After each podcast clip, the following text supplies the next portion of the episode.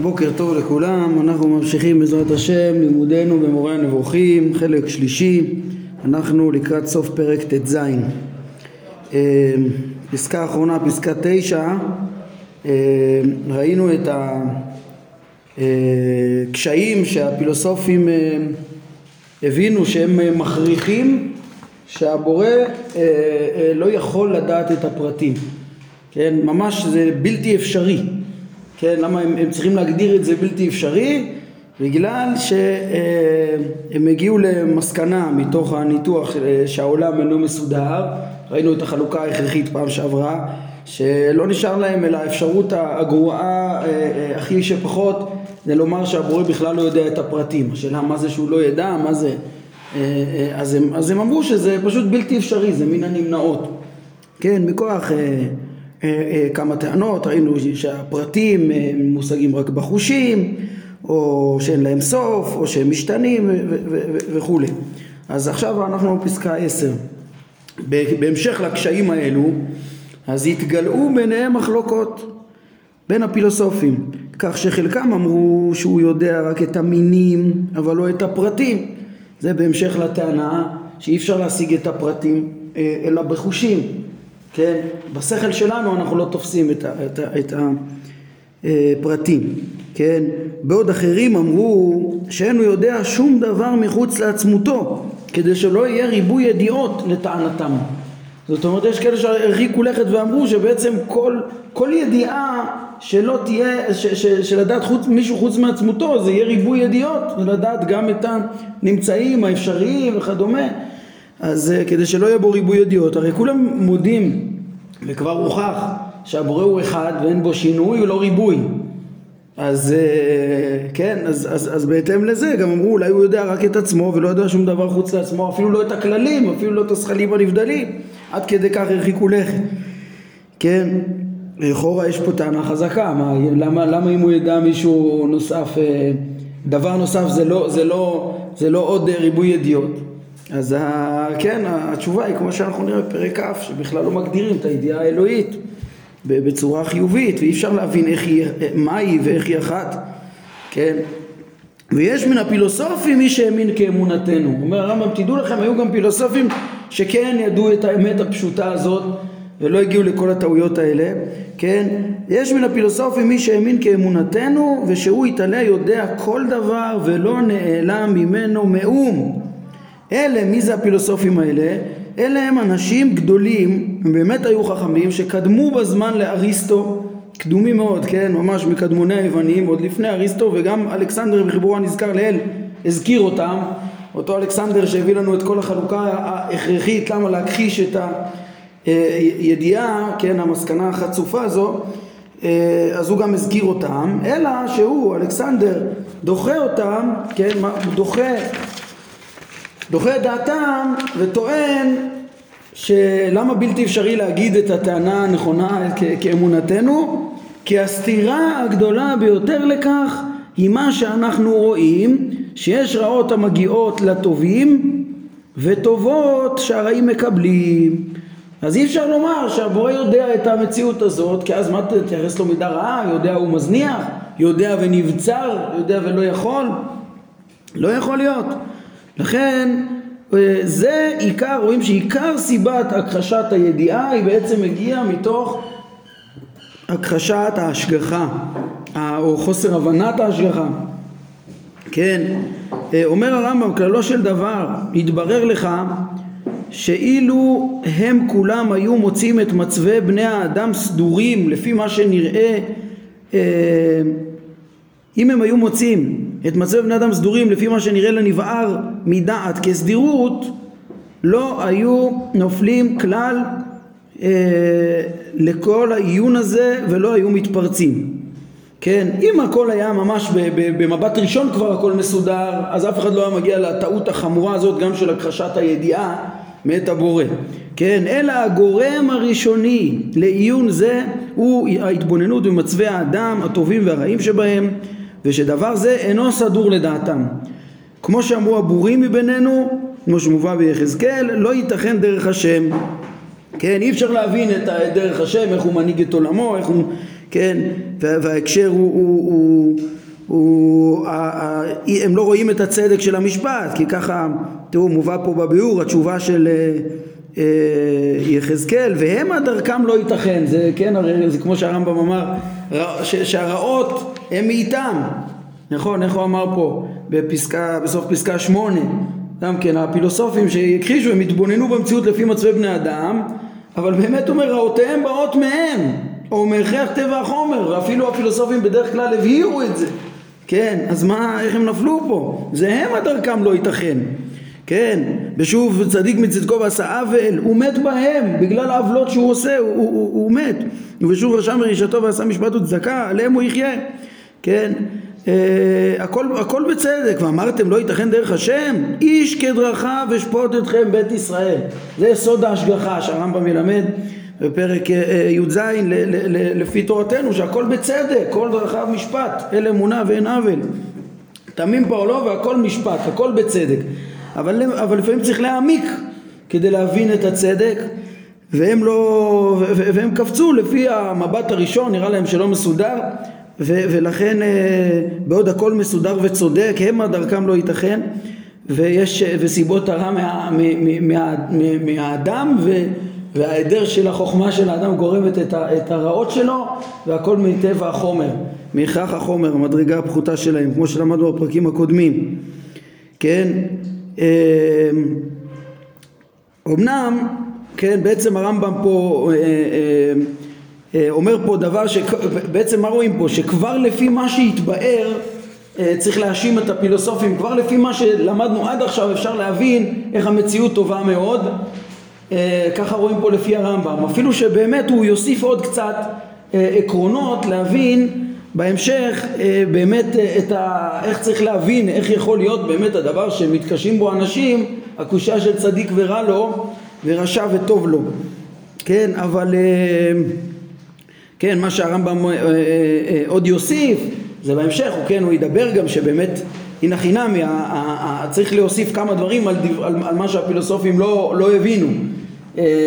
אולי דבר ראשון מהותי זה קודם כל ההבנה שה, שכל הטבע הוא, הוא, וכל החוקיות היא מסודרת ברצון מאת האל.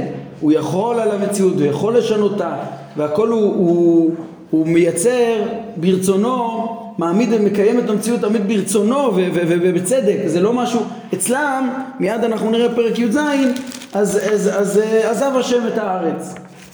כן, פשוט לשיטת אפיקורוס, אפילו לשיטת אריסטו, אין, הכל אוטומטי, הכל מחויב, אין השגחה אז, אז, אז אה, עצם זה שאנחנו נבין ש, שאפילו הטבע המסודר שאריסטו כן זיהה, אבל הוא לא אוטומטי אלא, אלא מכוון, אז הוא משנה את כל המבט, כן? ואם יש חוק אז, אז אפשר להתבונן איך שהוא לא סתם טוב כי הוא נובע מהשלם הסיבה הראשונה, אלא הוא, הוא, אלא הוא מכוון מאיתו באמת כי הוא צודק והוא, ו, ו, ו, והכל באמת בדין ומשפט, יש רעות שהן מחמת הטבע חמת אה, פחיתות החומר, אבל, אבל חומר טוב מאוד.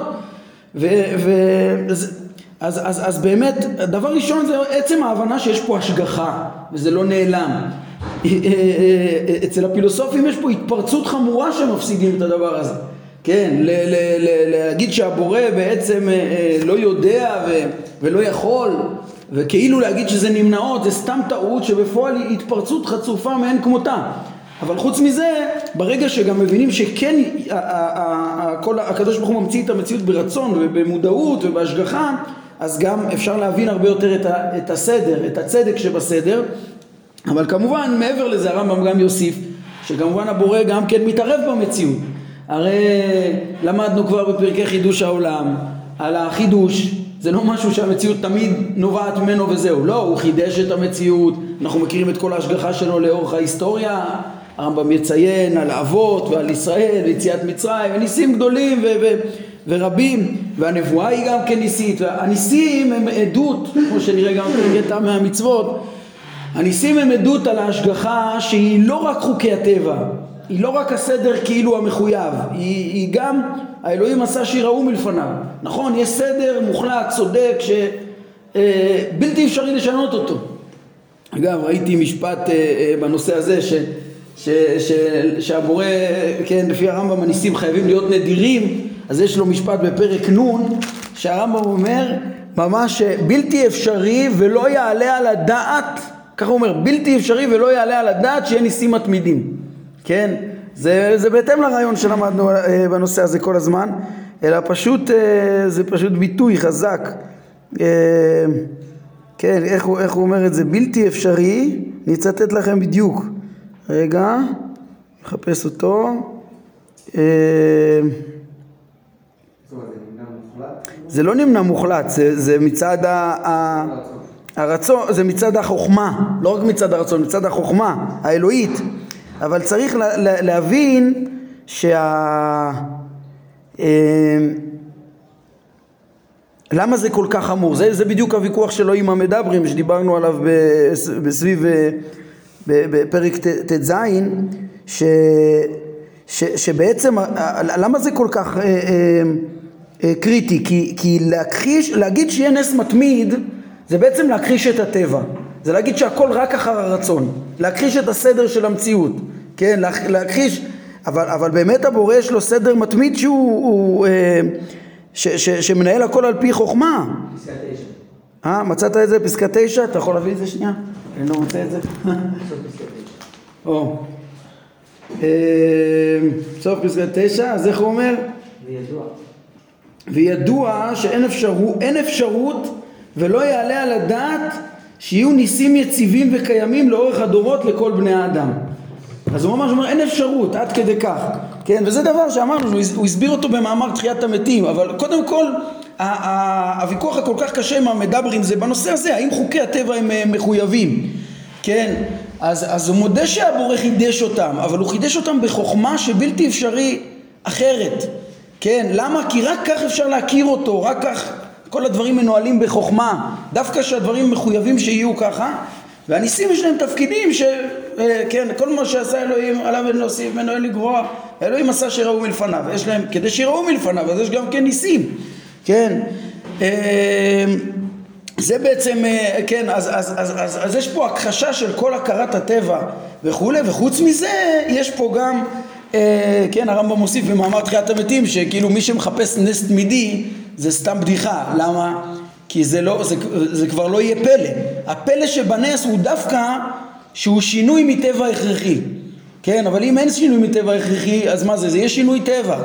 כן, ישתנה הטבע וייווצר גוף קיים לנצח. זה לא פלא. זה, טוב, בקיצור. אה, אבל מה שרציתי ללמוד מהנושא של הניסים, זה, זה, מהנושא של הניסים זה בעצם לעניין ההשגחה שהבורא גם מתערב, כן, הוא, הוא מקיים סדר קבוע אבל הסדר הזה רצוני, כמו שדיברנו בדבר הראשון, אבל הוא גם, הוא גם מתערב, הוא מגיב, נותן לאיש כדרכיו, כן, אז נכון, זה, רוב הניסים לא יהיו, אה, אה, אה, כן, הם, הם נדירים ורק במקום הצורך, ויותר מזה, אנחנו נראה ש, שהשכר והעונש, הקדוש ברוך הוא מטביע אותו גם כן כאילו ב, ב, באופן מובנה במציאות בהתאם למעשים. המעש, השכר למעשים והעונש, כן, זה בהתאם לרמה של הבן אדם. אנחנו נראה אצל הרמב"ם איך שההשגחה היא דבקה באדם בהתאם לרמתו, כן? כל אדם, היא, היא, היא, על פי חוכמתו ועל פי מעשיו הוא יזכה, זה הרמב"ם לימד אותנו כבר במשנה תורה. ככל שהוא מתעלה יותר, אז ברור שהוא גם זוכה יותר בשכר הנצחי בעולם הבא. כן, הוא מתעלה יותר וגם ההשגחה דבקה יותר בו. אלא מה? כן, היסוד, אני, אני כבר, את כל הדברים האלה נראה באריכות בעזרת השם בהמשך, אז אני רק אסכם בקצרה, מה שרציתי לומר פה זה שהרמב"ם יוסיף לנו יסודות כדי להבין את, ה, את הסדר הזה שהפילוסופים לא הבינו. כן, הפילוסופים רואים באמת, באמת זה העובדה במציאות. יש רעות שמגיעות לטובים ואפילו לטובים מאוד, כן? ויש טובות שמגיעות לרשעים ואפילו לרשעים מאוד, כן? אז המסקנה של הפילוסופים, אה, זה לא סדור, זה לא צודק. זה לא סדור, זה לא צודק. הרמב"ם אומר לו, למרות שזה קיים, זה סדור וצודק, ולכן הבורא יודע ומשגיח בטוב ביותר האפשרי, ולא נבצר מאיתו דבר. כן, איך נבין את זה בצורה ריאלית? אז דבר ראשון, צריך להבין את כל מה שלמדנו בפרקי המבוא, חטא ט"ו. כן, איך שכל, להבין גם את המוגבלות ההכרחית הנמנעת, אי אפשר שהחומר יהיה אה, בלי, בלי פגעים ואיך שהוא טוב מאוד. ואיך שרוב הרעות שאנשים צועקים, מפגמיהם הם צועקים וכדומה, כן, ואין מה להתלונן על עצם זה שהם חסרים, אין מה לעשות, שאדם צריך לדעת מקומו ולא יטעה כמו כל, כל מה שהערכנו, אבל זה עצמו צריך להבין שזה גם, קוש... גם תירוץ, ה... ה... ה... חלק ניכר מהקושייה של צדיק ורע לו ורשע וטוב לו. למה? כי אמנם יש גם, כן, יש גם התערבות ויש גם הגנה לצדיקים, אבל תלוי באיזה מדרגה הם. הרמב"ם ילמד שאנשים לפעמים טועים בהערכת הצדיק, הם בוחנים לפי המעשים ולאו דווקא בהתאם לחוכמה. כן, מה כתוב פה? שמגיעות רעות לטובים אה, ולרעים אה, הרבה פעמים אנשים בוחנים טובים ורעים רק בהתאם למעשים, אבל ההשגחה היא קשורה גם בהתאם לדעת ורק מדרגות מאוד מאוד גבוהות אה, אה, של ידיעת השם הם, הם, הם כאלה שגם הבורא ישנה בשבילם את הטבע הצודק של המציאות ויתערב להגן, להגן עליהם. אגב, אפילו ההתערבות היא לא תמיד ניסית לא בדרך הטבע. החידוש של הרמב"ם בפרקי ההשגחה זה שההתערבות שאנחנו נראה היא טבעית כן, הוא רוצה לתת הסבר מתאים לטבע המציאות. היינו, אדם כל כך דבק בבורא באמצעות השכלים הנבדלים, כל כך אה, אה, דבק במציאות הנצחית, שממילא הוא כבר יכול להיות ברמה כזאת שהוא מוגן ואי אפשר לפגוע בו בכלל. כן, זה משהו טבעי, הוא פשוט מאוד נדיר, כמו שאנחנו נראה עוד בסוף סודות איוב, פעמיים שלוש עם גבר. כן, זה משהו...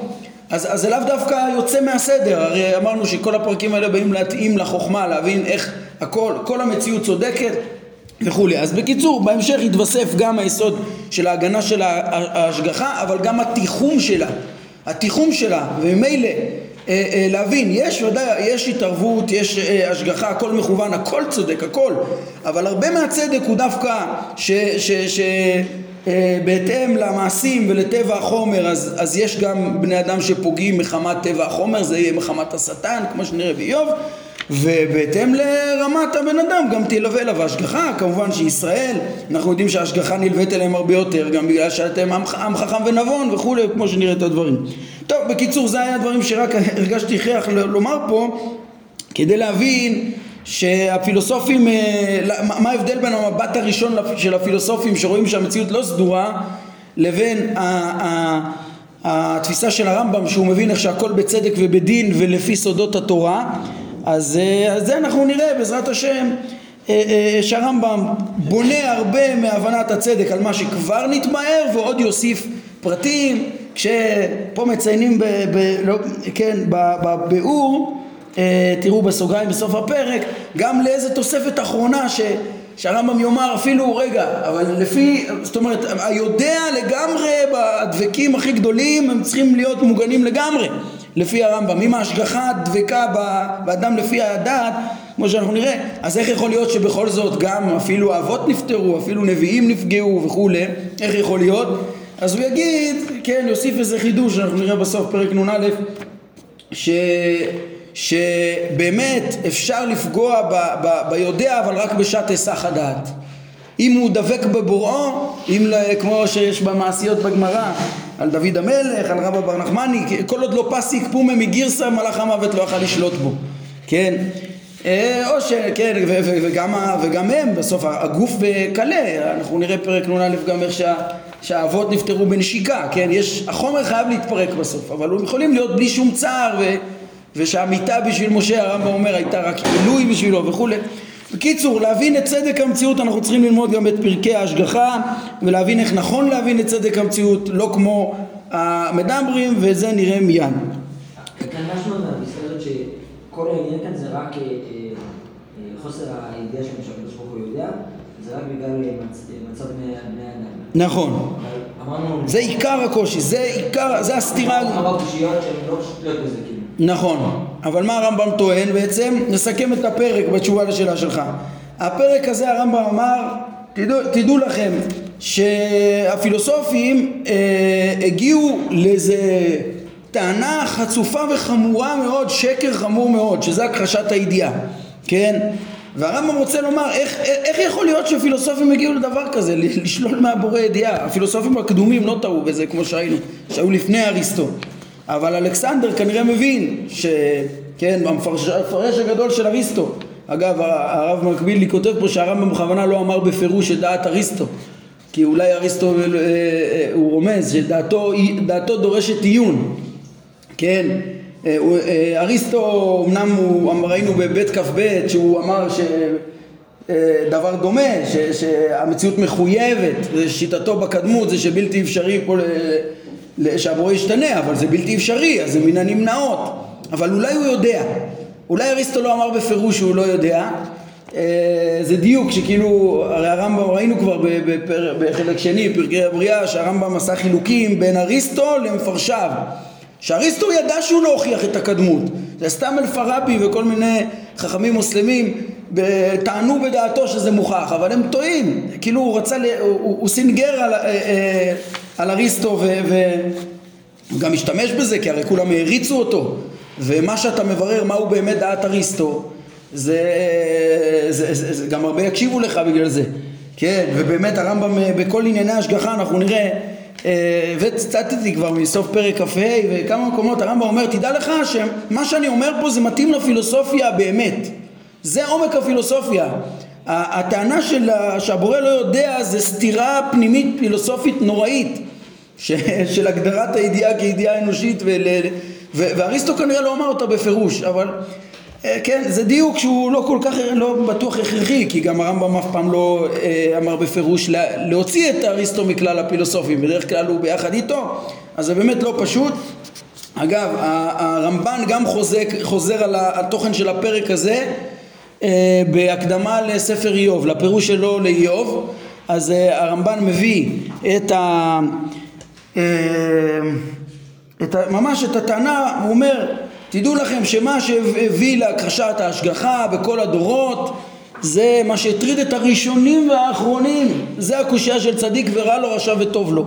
ועל הקושייה הזאת בא ספר איוב להשיב עוד מתקופת דומות. כן, זה דברים שהרמב"ם גם מאוד מאוד מדגיש אותם, מיד אנחנו נראה, תחילת פרק י"ז, דעות בני אדם על ההשגחה הן חמש וכולן קדומות כולם קדומות, כן, מתקופת הנביאים. אפשר לראות את הטענות האלה, זה לא חדש השאלות של הפילוסופים. גם התשובות השונות הן קדומות.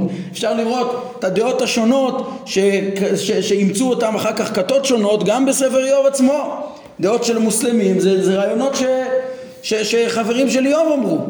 כן כבר, ובחכמי ישראל הרמב"ם יראה חלק מחכמי ישראל אמרו, כי, כי זו קושייה כל כך קשה, אז זו שאלה קדומה, גם בפרק י"ט הרמב"ם מראה איך שהכחשת ידיעת האל, החצופה הזאת, זה היה כבר מתקופת הנביאים, כן? פה, ש... פה הוא מביא לנו את דברי יחזקאל שאומרים, כן, דרך השם לא ייתכן, ויש גם כאלה שממש אמרו איך ידע האל ויש דעה בעליון. אה, אה, הטענה החצופה הזאת הייתה כבר מאוד קדומה, אז ככה גם הרמב"ן מביא את הדברים האלה בהמשך לרמב"ם, אומר, הסיבה, סיבת ההכחשה אה, של ההשגחה כולה היא הייתה קודם כל מהכחשת, מחוסר הבנת הסדר במציאות והמבט הזה השטחי או הפשוט שצריך רק להעמיק כדי לפתור את השאלה הזאת זה צדיק ורע לו רשע וטוב לו אה, כאילו אין צדק פה במציאות. בקיצור, מה שרציתי לומר זה שגם הרמב"ן מביא את זה ושם הוא טוען בהקשר של הדיון על דעת אריסטו, שם הוא, הוא, הוא הבין, הוא אומר בפירוש שהיווני אריסטו אה, שלל את הידיעה, כן? אני לא יודע אם זה כל כך רע מהרמב"ן, אבל ככה הוא הבין את, ה, את הפרק, כן? שאריסטו הוא בכלל הפילוסופים, כן? פשוט לא נמצא במקומות אחרים שהרמב"ן עושה חילוקים ביניהם, אז... אה, על כל פנים חיפשתי גם במפרשי המורה פה קצת וראיתי חלק מייחסים את הטעות לאריסטו בפירוש וחלק רק לפילוסופי וזה נושא דק. על כל פנים אמרתי שאני אסכם את הפרק רק וישיב לשאלה של יובל ש... בעצם מה, מה, מה הרמב"ם פה עושה, האם, מה, מה הסיבה להכחשת הידיעה, רק הטענה הזאת? לא, הרמב"ם אבל רוצה להראות שזו הטענה העיקרית, מה הוביל את הפילוסופים לדעתו, כן, הוא הביא את זה מאלכסנדר, מה, מה הביא אותם באמת לכזב החמור החצוף הזה של הכחשת הידיעה האלוהית, פשוט שקר חמור ביותר. זה קודם כל, זה לא התחיל מטענות פילוסופיות, אלא זה, אה, אה, זה התחיל מהחלוקה ההכרחית ש... שחלק מההנחות יסוד שלה זה שאין השגחה ואין סדר, ממילא הם שללו את כל שאר האפשרויות. להגיד שהוא יודע ואז מה יש? או שהוא מסדר, אבל זה לא מסודר, או שהוא לא יכול לסדר, יודע ולא יכול לסדר, זה, מה זה, זה חיסרון יכולת חמור. ו, ו, ולהגיד שהוא יודע ומזניח זה מידה פחותה, חמורה. לא רצו לייחס את זה. כן, אומר, אז, אז מה? אז הוא לא יודע. הרמב"ם אומר, מה זה הטעויות החמורות האלה? הרי יש פה שתי אפשרויות טובות יותר, אפילו יודע ומזניח זה טוב יותר, כן? כי זה, כי, כי, עד כדי כך, ככה הרמב"ם אומר. כי הרי זה חיסרון בעצמותו יותר בידיעה, וחוץ מזה, איך אתם, איזה בורות יש לכם שהם לא יודעים שהמציאות מסודרת? כן, זה על גבי אמרנו הטעות שלהם בחידוש העולם, אבל יפה, זה הטעות הבסיסית. אחר כך הוא אומר, מאוד חשוב לרמב"ם להדגיש את זה, תראו, אומרים, רק אחרי שעיקר מה שהפיל אותם, הוא אומר את זה פה כמה פעמים בפרק, זה היה אותו חוסר סדירות של המציאות. אבל אחר כך הם הוסיפו אה, הכיוון שקבעו את העיקרון הזה, פסקה תשע, המחריב כל יסוד טוב, מוכר את כל, את יופייה של כל דעה נכונה, החלו לאחר מכן לסלק את זרותו. מה זה לסלק את זרותו? הם הודו שזה זר ובלתי מתקבל על הדעת. כן, אבל הוסיפו טענות, הטענות האלה כמו שהרמב"ם ירד, נגיע לפרק כ', תראו זה לא עומד בביקורת, זה כאילו חכם, אבל שום פילוסוף לא היה באמת מגיע לזה מתוך פילוסופיה, אלא אחרי שהם הניחו שאין ידיעה ואין, בעקבות שאין השגחה, אז הם התחילו לחשוב למה זה בלתי אפשרי ואז מצאו כל מיני טענות. אבל בתפיסה נכונה, אם תופסים נכון מראש את האל ואת ידיעתו, כמו שלמדנו בתארי השם, שאי אפשר להגדיר שום הגדרה חיובית ביחס לאל ולא ידיעה נוספת על עצמותו ולא להבין את ידיעתו, ממילא כל השאלות האלה מסתלקות מיד. לכן זו התשובה למה ששאלתי, זה מה שהוא רצה לומר. הכל התחיל, החוצפה הגדולה של הפילוסופים התחילה מהכחשת ההשגחה.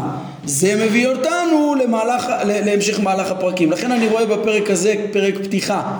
כן, פרק פתיחה שהוא אחרי שלמדנו על טוב המציאות ברמה הבסיסית של הטבע, עכשיו ניגשים להשגחה האלוהית בבני האדם, כן, אה, אה, אז, אה, אז, אז, אז פה הרמב"ם אומר לנו מראש, בעצם תדעו לכם, זה גם מה שמוביל לוויכוח על הידיעה האלוהית, ומכאן נמשיך לפרקי ההשגחה. הנה תראו את פסקה 12 ובה נסיים היום.